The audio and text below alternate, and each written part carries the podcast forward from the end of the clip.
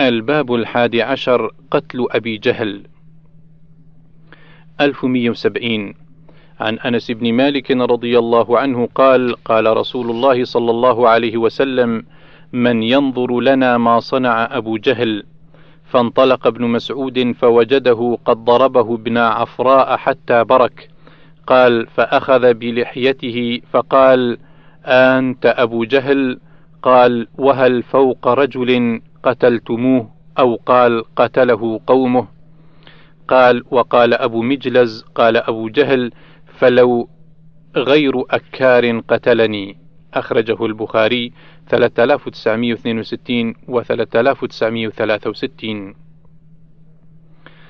الباب الثاني عشر قتل كعب بن الأشرف 1171 عن جابر رضي الله عنه قال قال رسول الله صلى الله عليه وسلم من لكعب بن الأشرف فإنه قد آذى الله ورسوله. فقال محمد بن مسلمة رضي الله عنه يا رسول الله أتحب أن أقتله؟ قال نعم. قال ائذن لي فلأقل قال قل. فأتاه فقال له وذكر ما بينهما وقال إن هذا الرجل قد أراد صدقة وقد عنانا. فلما سمعه قال وأيضا والله لتم لتمل لتملنه. قال إنا قد اتبعناه الآن ونكره أن ندعه حتى ننظر إلى أي شيء يصير أمره. قال وقد أردت أن تسلفني سلفا. قال فما ترهنني؟ قال ما تريد؟ قال ترهنني نساءكم. قال أنت أجمل العرب. أنرهنك نساءنا؟ قال ترهنوني أولادكم. قال يسب ابن أحدنا فيقال رهن في وسقين من تمر ولكن نرهنك اللأمة يعني السلاح. قال فنعم. وواعده أن يأتيه بالحارث وأبي عبس بن جبر وعباد بن بشر. قال فجاءوا فدعوه ليلا فنزل إليهم. قال سفيان قال غير عمرو قالت له امرأته إني لأسمع صوتا كأنه صوت دم. قال إنما هذا محمد بن مسلمة ورضيعه وأبو نائلة إن الكريم لو دعي إلى طعنة ليلا لأجاب. قال محمد إني إذا جاء فسوف أمد يدي إلى رأسه. فإذا استمكنت منه فدونكم. قال فلما نزل نزل وهو متوشح فقالوا نجد منك ريح الطيب. قال نعم تحتي فلانة هي أعطر نساء العرب. قال فتأذن لي أن أشم فتأذن لي أن أشم منه. قال نعم فشم فتناول فشم ثم قال أتأذن لي أن أعود؟ قال فاستمكن من رأسه ثم قال دونكم قال فقتلوه أخرجه البخاري 4037 الباب الثالث عشر غزوة الرقاع. 1172 عن أبي موسى رضي الله عنه قال خرجنا مع رسول الله صلى الله عليه وسلم في غزاة ونحن ستة نفر بيننا بعير نعتقبه قال فنقبت أقدامنا فنقبت قدماي وسقطت أظفاري فكنا نلف على أرجلنا الخرق فسميت غزوة ذات الرقاع. لما كنا نعصب على أرجلنا من الخرق. قال أبو بردة فحدث أبو موسى بهذا الحديث ثم كره ذلك. قال كأنه كره أن يكون شيئا من عمله أفشاه. وفي رواية والله يجزي به. أخرجه البخاري 4128 الباب الرابع عشر في غزوة الأحزاب وهي الخندق. 1173 عن إبراهيم التيمي عن أبيه قال كنا عند حذيفة فقال رجل لو أدركت رسول الله صلى الله عليه وسلم قاتلت معه وأبليت. فقال حذيفة أنت كنت تفعل ذلك؟ لقد رأيتنا مع رسول الله صلى الله عليه وسلم ليلة الأحزاب وأخذتنا ريح شديدة وقر فقال رسول الله صلى الله عليه وسلم ألا رجل يأتيني بخبر القوم جعله الله معي يوم القيامة؟ فسكتنا فلم يجبه منا أحد. ثم قال ألا رجل يأتيني بخبر القوم جعله الله معي يوم القيامة؟ فسكتنا فلم يجبه منا أحد. ثم قال ألا رجل يأتينا بخبر القوم جعله الله معي يوم القيامة؟ فسكتنا فلم يجبه منا أحد. فقال قم يا حذيفة فأتنا بخبر القوم. فلم أجد بدا إذ دعاني باسمي أن أقوم. قال اذهب فأتني بخبر القوم ولا تذعرهم علي. فلما وليت من عنده جعلت كأنما أمشي في حمام حتى أتيتهم. فرأيت أبا سفيان يصلي ظهره بالنار فوضعت سهما في كبد القوس فأردت أن أرميه فذكرت قول رسول الله صلى الله عليه وسلم ولا تذعرهم علي ولو رميته لأصبته.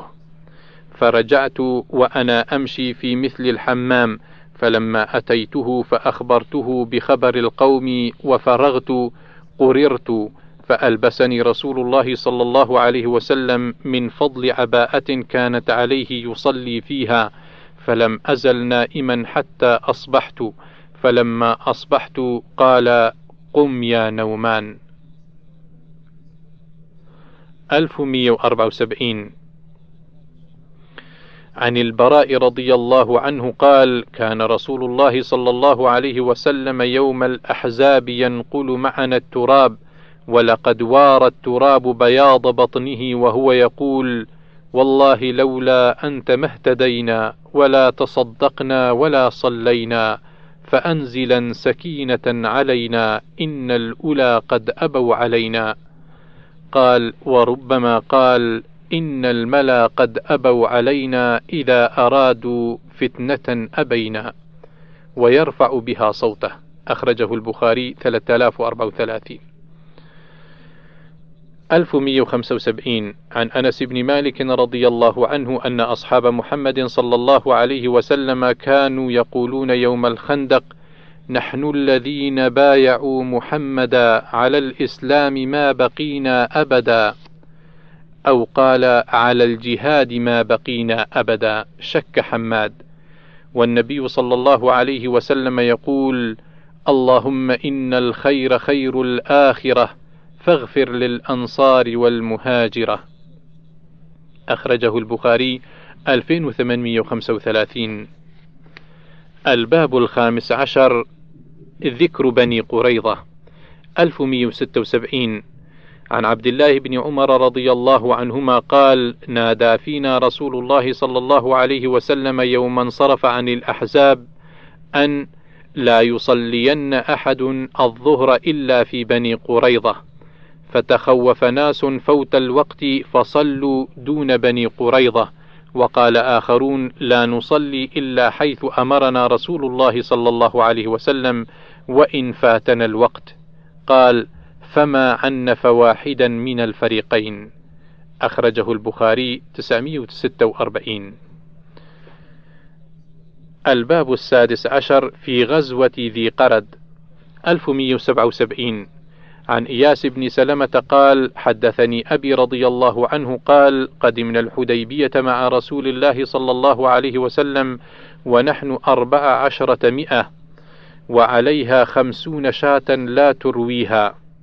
قال فقعد رسول الله صلى الله عليه وسلم على جبل ركية فإما دعا وإما بسق فيها قال فجاشت فسقينا واستقينا. قال ثم إن رسول الله صلى الله عليه وسلم دعانا للبيعة في أصل الشجرة. قال فبايعته أول الناس ثم بايع وبايع حتى إذا كان في وسط من الناس قال بايع يا سلمة. قال قلت قد بايعتك يا رسول الله في أول الناس. قال وأيضا. قال ورآني رسول الله صلى الله عليه وسلم عزلا يعني ليس معه سلاح. قال فأعطاني رسول الله صلى الله عليه وسلم حجفة أو درقة ثم بايع.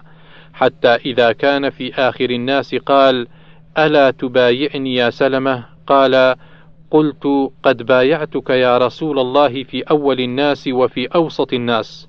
قال وأيضا. قال فبايعته الثالثة. ثم قال لي يا سلمة أين حجفتك أو درقتك التي أعطيتك؟ قال قلت يا رسول الله لقيني عمي عامر عزلا فأعطيته إياها. قال فضحك رسول الله صلى الله عليه وسلم وقال إنك كالذي قال الأول اللهم بغيني حبيبا هو أحب إلي من نفسي.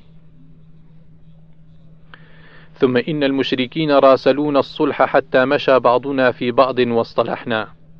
قال وكنت تبيعا لطلحة بن عبيد الله أسقي فرسه وأحسه وأخدمه وآكل من طعامه وتركت أهلي ومالي مهاجرا إلى الله تعالى ورسوله صلى الله عليه وسلم. قال فلما اصطلحنا نحن وأهل مكة واختلط بعضنا ببعض أتيت شجرة فكسحت شوكها فاضطجعت في أصلها. قال فأتاني أربعة من المشركين من أهل مكة فجعلوا يقعون في رسول الله صلى الله عليه وسلم فأبغضتهم فتحولت إلى شجرة أخرى وعلقوا سلاحهم واضطجعوا فبينما هم كذلك إذ نادى مناد من أسفل الوادي يا للمهاجرين قتل ابن زنيم. قال فاخترطت سيفي ثم شددت على أولئك الأربعة وهم رقود فأخذت سلاحهم فجعلته ضغثا في يدي. قال ثم قلت والذي كرم وجه محمد صلى الله عليه وسلم لا يرفع أحد منكم رأسه إلا ضربت الذي فيه عيناه. قال ثم جئت بهم أسوقهم إلى رسول الله صلى الله عليه وسلم. قال وجاء عمي عامر برجل من العبلات يقال له مكرز يقوده إلى رسول الله صلى الله عليه وسلم على فرس مجفف في سبعين من المشركين. فنظر إليهم رسول الله صلى الله عليه وسلم فقال دعوهم يكن لهم بدء الفجور وثناه. فعفى عنهم رسول الله صلى الله عليه وسلم وأنزل الله عز وجل وهو الذي كف أيديهم عنكم وأيديكم عنهم ببطن مكة من بعد أن أظفركم عليهم. الآية كلها. قال ثم خرجنا راجعين إلى المدينة فنزلنا منزلا بيننا وبين بني لحيان جبل وهم المشركون فاستغفر رسول الله صلى الله عليه وسلم لمن رقى هذا الجبل الليلة كأنه طليعة للنبي صلى الله عليه وسلم وأصحابه.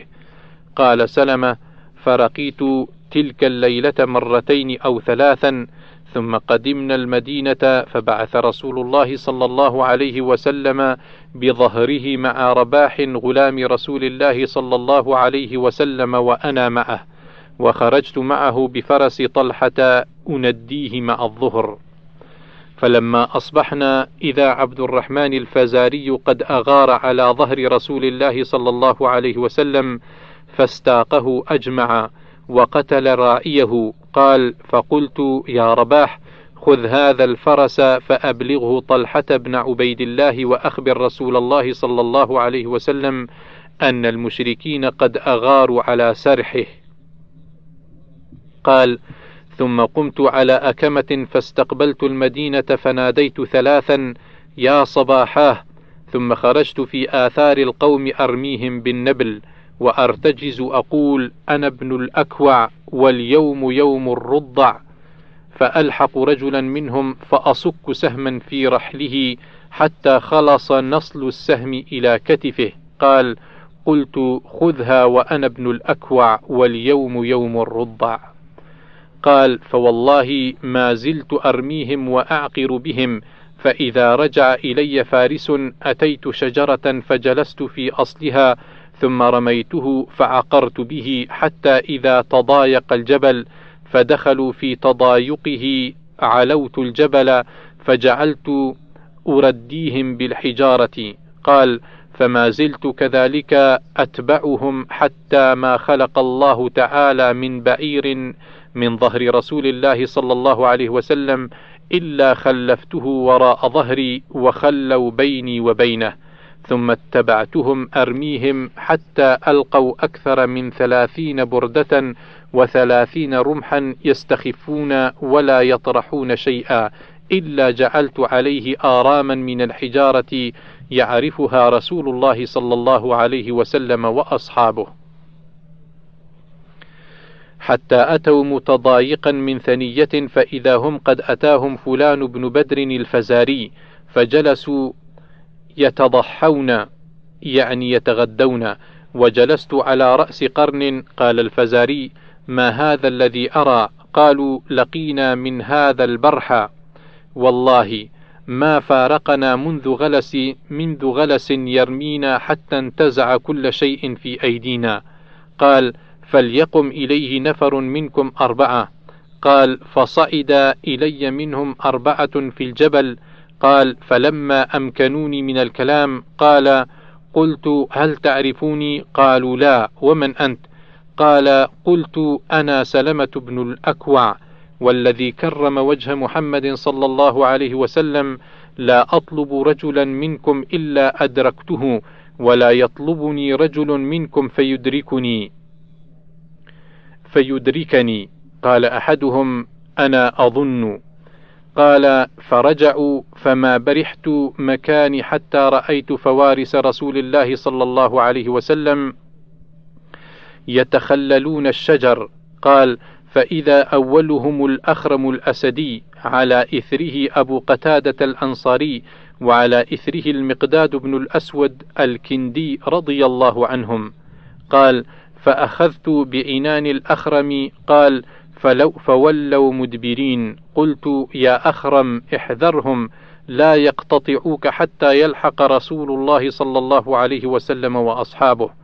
قال يا سلمة إن كنت تؤمن بالله واليوم الآخر وتعلم أن الجنة حق والنار حق فلا تحل بيني وبين الشهادة. قال فخليته فالتقى هو وعبد الرحمن. قال فعقر بعبد الرحمن فرسه. وطعنه عبد الرحمن فقتله وتحول على فرسه ولحق أبو قتادة أبو قتادة فارس رسول الله صلى الله عليه وسلم بعبد الرحمن فطعنه فقتله فوالذي كرم وجه محمد لتبعتهم أعدو على رجلي حتى ما أرى ورائي من أصحاب محمد صلى الله عليه وسلم ولا غبارهم شيئا. حتى يعدلوا قبل غروب الشمس إلى شعب فيه ماء يقال له ذو قرد ليشربوا منه وهم عطاش.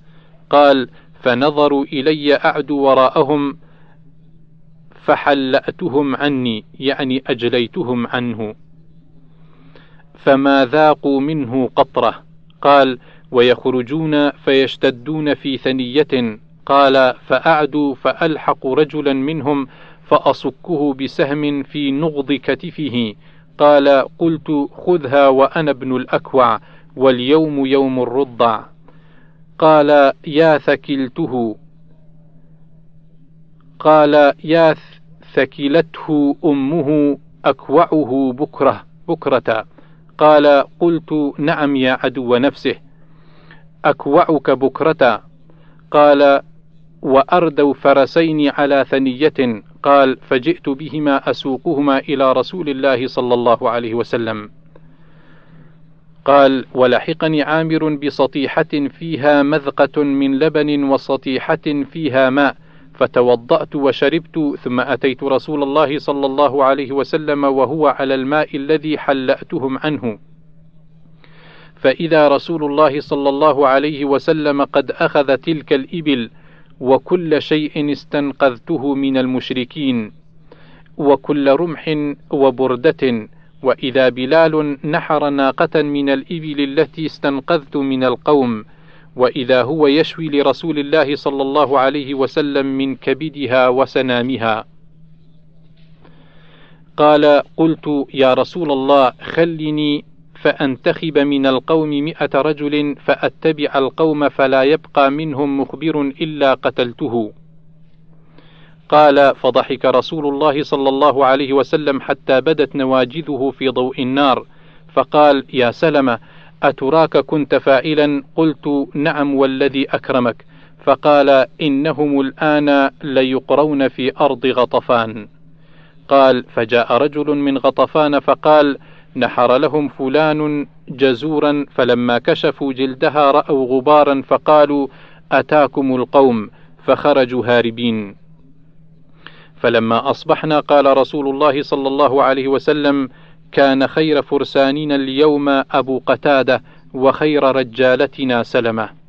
قال ثم أعطاني رسول الله صلى الله عليه وسلم سهمين سهم الفارس وسهم الراجل فجمعهما لي جميعا ثم أردفني رسول الله صلى الله عليه وسلم وراءه على العضباء راجعين إلى المدينة. قال فبينما نحن نسير قال وكان رجل من الأنصار لا يسبق شدا قال فجعل يقول ألا مسابق إلى المدينة؟ هل من مسابق؟ فجعل يعيد ذلك. قال فلما سمعت كلامه قلت أما تكرم كريما ولا تهاب شريفا؟ قال لا إلا أن يكون رسول الله صلى الله عليه وسلم. قال قلت يا رسول الله بأبي أنت وأمي ذرني فلأسابق ذرني فلأسابق الرجل. قال إن شئت. قال قلت اذهب إليك. وثنيت رجلي فطفرت فعدوت. قال فربطت عليه شرفا أو شرفين أستبقي نفسي ثم عدوت في إثره. فربطت عليه شرفا أو شرفين. قال ثم إني رفعت حتى ألحقه. قال فأصكه بين كتفيه. قال قلت قد سبقت والله. قال أنا أظن. قال فسبقته إلى المدينة. قال فوالله ما لبثنا إلا ثلاث ليال حتى خرجنا إلى خيبر مع رسول الله صلى الله عليه وسلم. قال فجعل عمي عامر يرتجز بالقوم. تالله لولا الله ما اهتدينا ولا تصدقنا ولا صلينا ونحن عن فضلك ما استغنينا فثبت الأقدام إن لاقينا وأنزلا سكينة علينا. فقال رسول الله صلى الله عليه وسلم من هذا؟ قال أنا عامر قال غفر لك ربك. قال وما استغفر رسول الله صلى الله عليه وسلم لإنسان يخصه إلا استشهد. قال فنادى عمر بن الخطاب رضي الله عنه وهو على جمل له يا نبي الله لولا ما متعتنا بعامر. قال فلما قدمنا خيبر قال خرج ملكهم مرحب يخطر بسيفه ويقول قد علمت خيبر أني مرحب شاك السلاح بطل مجرب إذا الحروب أقبلت تلهب. قال وبرز له عمي عامر فقال قد علمت خيبر أني عامر شاك السلاح بطل مغامر. قال فاختلفا ضربتين فوقع سيف مرحب في ترس عامر وذهب عامر يسفل له فرجع سيفه على نفسه فقطع أكحله فكانت فيها نفسه. قال سلم فخرجت فإذا نفر من أصحاب النبي صلى الله عليه وسلم يقولون بطل عمل عامر قتل نفسه. قال فأتيت النبي صلى الله عليه وسلم وأنا أبكي فقلت يا رسول الله بطل عمل عامر قال رسول الله صلى الله عليه وسلم من قال ذلك؟ قال قلت ناس من أصحابك. قال كذب من قال ذلك بل له أجره مرتين. ثم أرسلني إلى علي رضي الله عنه وهو أرمد فقال لأعطين الراية رجلا يحب الله ورسوله ويحبه الله ورسوله.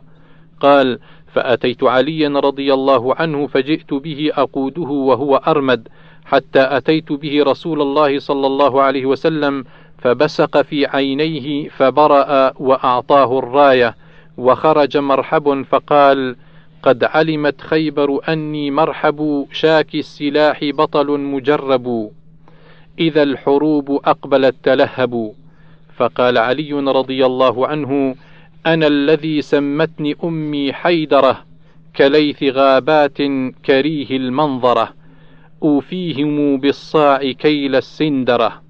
قال فضرب رأس مرحب فقتله ثم كان الفتح على يديه. الباب السابع عشر قصة الحديبية وصلح النبي صلى الله عليه وسلم مع قريش. 1178 عن البراء بن عازب رضي الله عنهما قال لما أحصر النبي صلى الله عليه وسلم عند البيت صالحه أهل مكة على أن يدخلها فيقيم بها ثلاثا ولا يدخلها إلا بجلبان السلاح السيف وقرابه ولا يخرج بأحد معه من أهلها ولا يمنع أحدا يمكث بها ممن كان معه. قال لعلي رضي الله عنه اكتب الشرط بيننا. بسم الله الرحمن الرحيم. هذا ما قاضى عليه محمد رسول الله صلى الله عليه وسلم. فقال له المشركون لو نعلم أنك رسول الله تابعناك ولكن اكتب محمد بن عبد الله. فأمر عليا أن يمحاها. فقال علي لا والله لا أمحاها. فقال رسول الله صلى الله عليه وسلم أرني مكانها. فأراه مكانها فمحاها وكتب ابن عبد الله. فأقام بها ثلاثة أيام فلما أن كان اليوم الثالث قالوا لعلي رضي الله عنه هذا آخر يوم من شرط صاحبك فأمره فليخرج. فأخبره بذلك فقال نعم. فخرج. أخرجه البخاري 2698 1179 عن أنس بن مالك رضي الله عنه قال لما نزلت إنا فتحنا لك فتحا مبينا ليغفر لك الله إلى قوله فوزا عظيما مرجعه من الحديبية وهم يخالطهم الحزن والكآبة وقد نحر الهدي بالحديبية فقال لقد أنزلت علي آية هي أحب إلي من الدنيا جميعا. الباب الثامن عشر غزاة خيبر. 1180 عن أبي هريرة رضي الله عنه قال خرجنا مع النبي صلى الله عليه وسلم إلى خيبر ففتح الله علينا فلم نغنم ذهبا ولا ورقا غنمنا المتاع والطعام والثياب. ثم انطلقنا إلى الوادي ومع رسول الله صلى الله عليه وسلم عبد له وهبه له رجل من جذام يدعى رفاعة بن زيد من بني الضبيب. فلما نزلنا الوادي قام عبد رسول الله صلى الله عليه وسلم يحل رحله فرمي بسهم فكان فيه حتفه. فقلنا هنيئا له الشهادة يا رسول الله. قال رسول الله صلى الله عليه وسلم كلا والذي نفس محمد بيده إن الشملة لتلتهب عليه نارا أخذها من الغنائم يوم خيبر لم تصبها المقاسم. قال ففزع الناس فجاء رجل بشراك أو شراكين فقال يا رسول الله أصبت يوم خيبر. فقال رسول الله صلى الله عليه وسلم شراك من نار أو شراكان من نار. أخرجه البخاري 4234 الباب التاسع عشر. رد المهاجرين على الأنصار المنائح بعد الفتح عليهم. 1181 عن أنس بن مالك رضي الله عنه قال لما قدم المهاجرون من مكة المدينة قدموا وليس بأيديهم شيء وكان الأنصار أهل الأرض والعقار فقاسمهم الأنصار على أن أعطوهم أنصاف ثمار أموالهم كل عام ويكفونهم العمل والمؤونة. وكانت أم أنس بن مالك وهي تدعى أم سليم وكانت أم عبد الله بن أبي طلحة كان أخا لأنس لأمه وكانت أعطت أم أنس رسول الله صلى الله عليه وسلم عذاقا لها فأعطاها رسول الله صلى الله عليه وسلم أم أيمن مولاته أم أسامة بن زيد. قال ابن شهاب فأخبرني أنس بن مالك أن رسول الله صلى الله عليه وسلم لما فرغ من قتال أهل خيبر وانصرف إلى المدينة رد المهاجرون إلى الأنصار منائحهم التي كانوا منحوهم من ثمارهم. قال فرد رسول الله صلى الله عليه وسلم إلى أمي عذاقها وأعطى رسول الله صلى الله عليه وسلم أم أيمن مكانهن من حائطه. قال ابن شهاب وكان من شأن أم أيمن أم أسامة بن زيد رضي الله عنهم أنها كانت وصيفة لعبد الله بن عبد المطلب وكانت من الحبشة. فلما ولدت آمنة رسول الله صلى الله عليه وسلم بعدما توفي أبوه فكانت أم أيمن تحضنه. حتى كبر رسول الله صلى الله عليه وسلم فأعتقها ثم أنكحها زيد بن حارثة. ثم توفيت بعدما توفي رسول الله صلى الله عليه وسلم بخمسة أشهر. أخرجه البخاري 2630 الباب العشرون في فتح مكة ودخولها بالقتال عنوة ومن ومنه عليهم. 1182 عن عبد الله بن رباح عن أبي هريرة رضي الله عنه قال: وفدت وفود إلى معاوية رضي الله عنه وذلك في رمضان فكان يصنع بعضنا لبعض الطعام وكان أبو هريرة مما يكثر أن يدعونا إلى رحله. فقلت ألا أصنع طعاما فأدعوهم إلى رحلي؟ فأمرت بطعام يصنع ثم لقيت أبا هريرة من العشي فقلت الدعوة عندي الليلة. فقال سبقتني. قلت نعم. فدعوتهم فقال أبو هريرة رضي الله عنه ألا أعلمكم بحديث من حديثكم يا معشر الأنصار؟ ثم ذكر فتح مكة فقال أقبل رسول الله صلى الله عليه وسلم حتى قدم مكة فبعث الزبير على إحدى الم...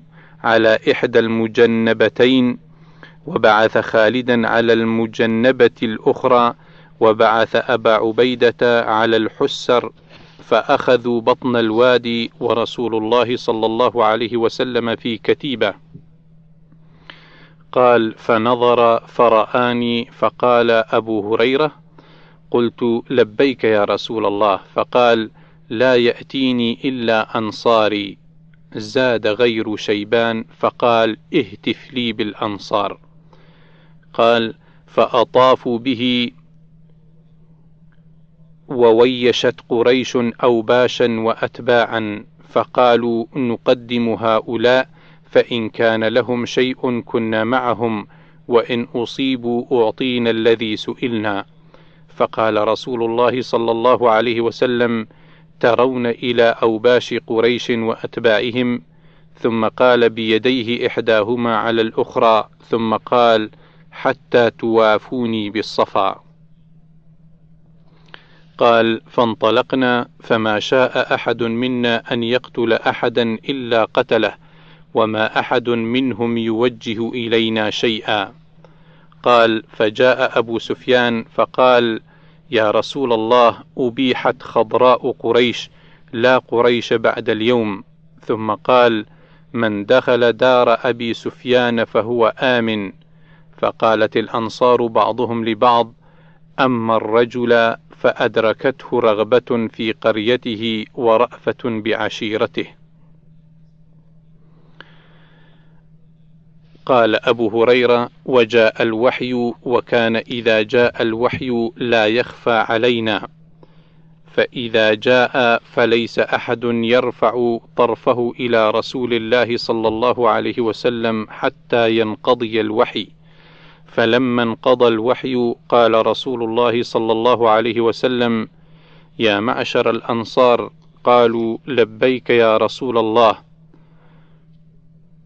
قال قلتم أما الرجل فأدركته رغبة في قريته قالوا قد كان ذلك قال كلا إني عبد الله ورسوله هاجرت إلى الله وإليكم. والمحيا محياكم والممات مماتكم فأقبلوا إليه يبكون ويقولون والله ما قلنا الذي قلنا إلا الظن بالله وبرسوله.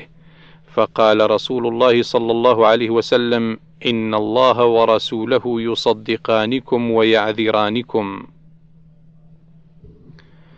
قال فأقبل الناس إلى دار أبي سفيان وأغلق الناس أبوابهم.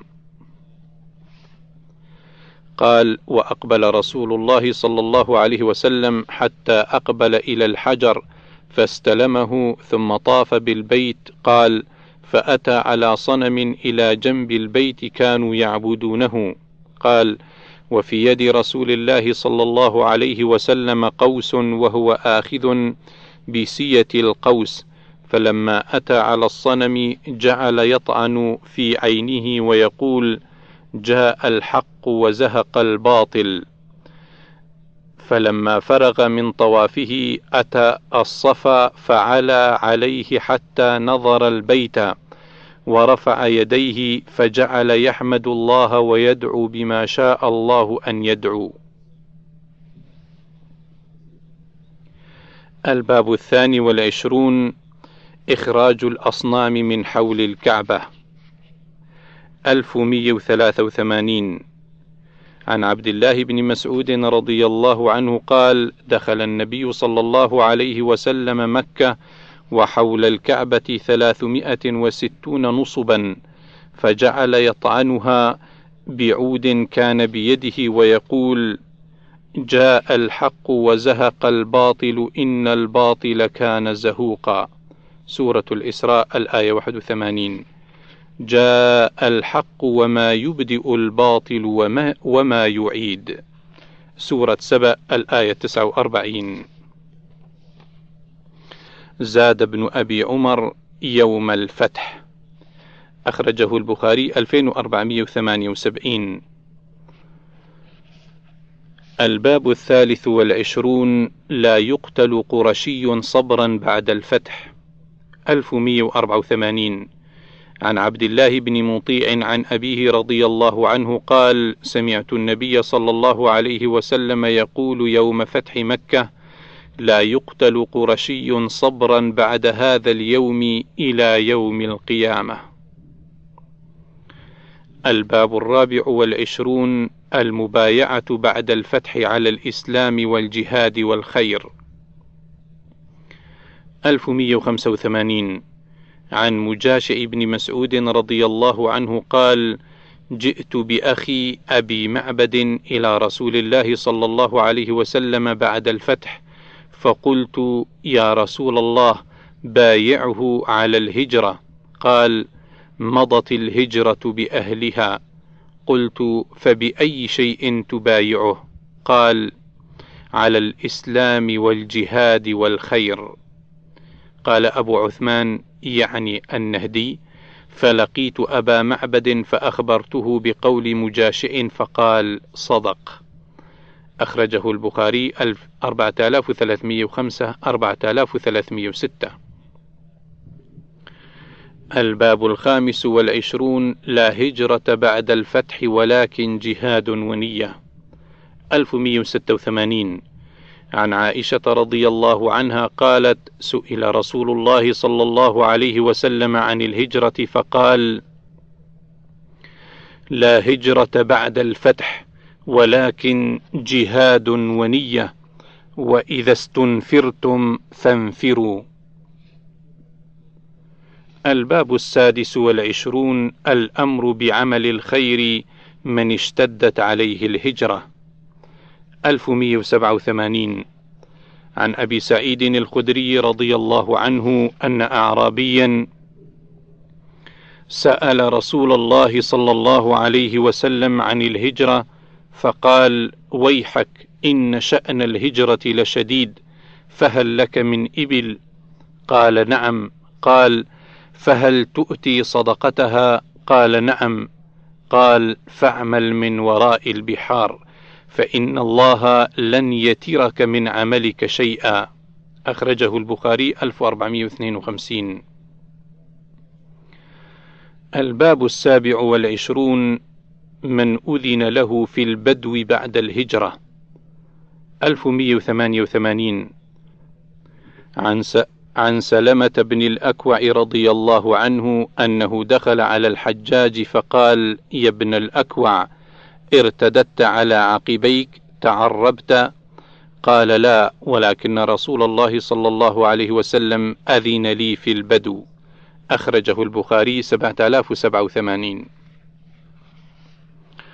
الباب الثامن والعشرون غزوة حنين. 1189 عن كثير بن عباس بن عبد المطلب قال قال عباس شهدت مع رسول الله صلى الله عليه وسلم يوم حنين فلزمت أنا وأبو سفيان بن الحارث بن عبد المطلب رسول الله صلى الله عليه وسلم فلم نفارقه ورسول الله صلى الله عليه وسلم على بغلة له بيضاء أهداها له فروة بن نفاثة الجذامي.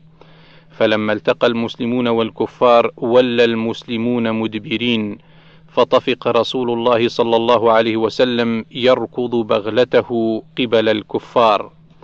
قال عباس وأنا آخذ بلجام بغلة رسول الله صلى الله عليه وسلم أكفها إرادة أن لا تسرع. وأبو سفيان آخذ بركاب رسول الله صلى الله عليه وسلم. فقال رسول الله صلى الله عليه وسلم أي عباس ناد أصحاب السمرة.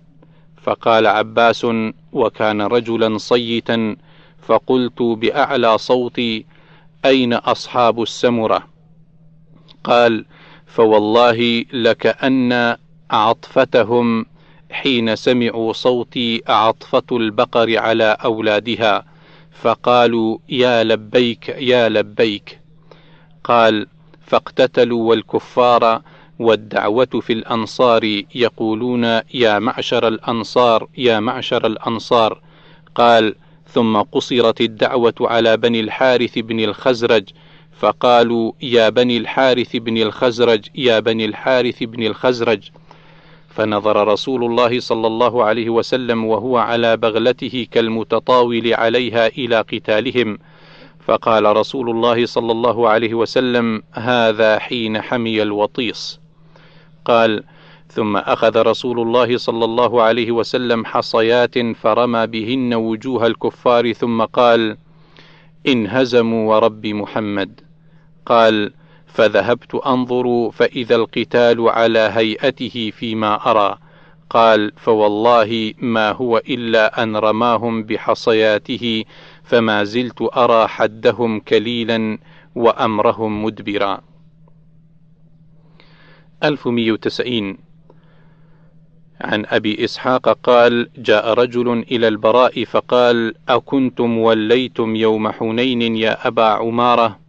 فقال أشهد على نبي الله صلى الله عليه وسلم ما ولى ولكنه انطلق أخفاء من الناس وحسر إلى هذا الحي من هوازن وهم قوم رماة فرموهم برشق من نبل كأنها رجل من جراد. فانكشفوا فأقبل القوم إلى رسول الله صلى الله عليه وسلم وأبو سفيان بن الحارث رضي الله عنه يقود به بغلته فنزل ودعا واستنصر وهو يقول أنا النبي لا كذب أنا ابن عبد المطلب اللهم أنزل نصرك. قال البراء كنا والله إذا احمر البأس نتقي به وإن الشجاع منا للذي يحاذي به يعني النبي صلى الله عليه وسلم. أخرجه البخاري 4315 1191 عن سلمة بن الأكوع رضي الله عنه قال: غزونا مع رسول الله صلى الله عليه وسلم حنينا فلما واجهنا العدو تقدمت فأعلو ثنية فاستقبلني رجل من العدو فأرميه بسهم فتوارى عني. فما دريت ما صنع ونظرت إلى القوم فإذا هم قد طلعوا من ثنية أخرى فالتقوا هم وصحابة النبي صلى الله عليه وسلم فولى صحابة النبي صلى الله عليه وسلم. وأرجع منهزما وعلي بردتان متزرا بإحداهما مرتديا بالأخرى. فاستطلق إزاري فجمعتهما جميعا ومررت على رسول الله صلى الله عليه وسلم منهزما وهو على بغلته الشهباء. فقال رسول الله صلى الله عليه وسلم لقد رأى ابن الأكوع فزعا. فلما غشوا رسول الله صلى الله عليه وسلم نزل عن البغلة ثم قبض قبضة من تراب من الأرض ثم استقبل به وجوههم فقال شاهت الوجوه فما خلق الله منهم إنسانا إلا ملأ عينيه ترابا بتلك القبضة فولوا مدبرين فهزمهم الله عز وجل بذلك وقسم رسول الله صلى الله عليه وسلم غنائمهم بين المسلمين. الباب التاسع والعشرون في غزوة الطائف. 1192 عن عبد الله بن عمرو رضي الله عنهما قال حاصر رسول الله صلى الله عليه وسلم أهل الطائف فلم ينل منهم شيئا فقال إنا قافلون إن شاء الله تعالى. قال أصحابه نرجع ولم نفتتحه فقال لهم رسول الله صلى الله عليه وسلم اغدوا على القتال. فغدوا عليه فأصابهم جراح فقال لهم رسول الله صلى الله عليه وسلم إنا قافلون غدا. قال فأعجبهم ذلك. فضحك رسول الله صلى الله عليه وسلم. أخرجه البخاري 4325 الباب الثلاثون عدد غزوات رسول الله صلى الله عليه وسلم. 1193 عن أبي إسحاق أن عبد الله بن يزيد خرج يستسقي بالناس فصلى ركعتين ثم استسقى قال فلقيت يومئذ زيد بن أرقم قال ليس بيني وبينه غير رجل أو بيني وبينه رجل. قال فقلت له كم غزا رسول الله صلى الله عليه وسلم؟ قال تسع عشرة غزوة. فقلت كم غزوت أنت معه؟ قال سبع عشرة غزوة. قال فقلت فما أول غزوة غزاها؟ قال ذات العسير أو العشير. أخرجه البخاري 1022 و 3949 1193 مكرر. عن بريدة رضي الله عنه قال غزا رسول الله صلى الله عليه وسلم تسع عشرة غزوة قاتل في ثمان منهن. أخرجه البخاري 4473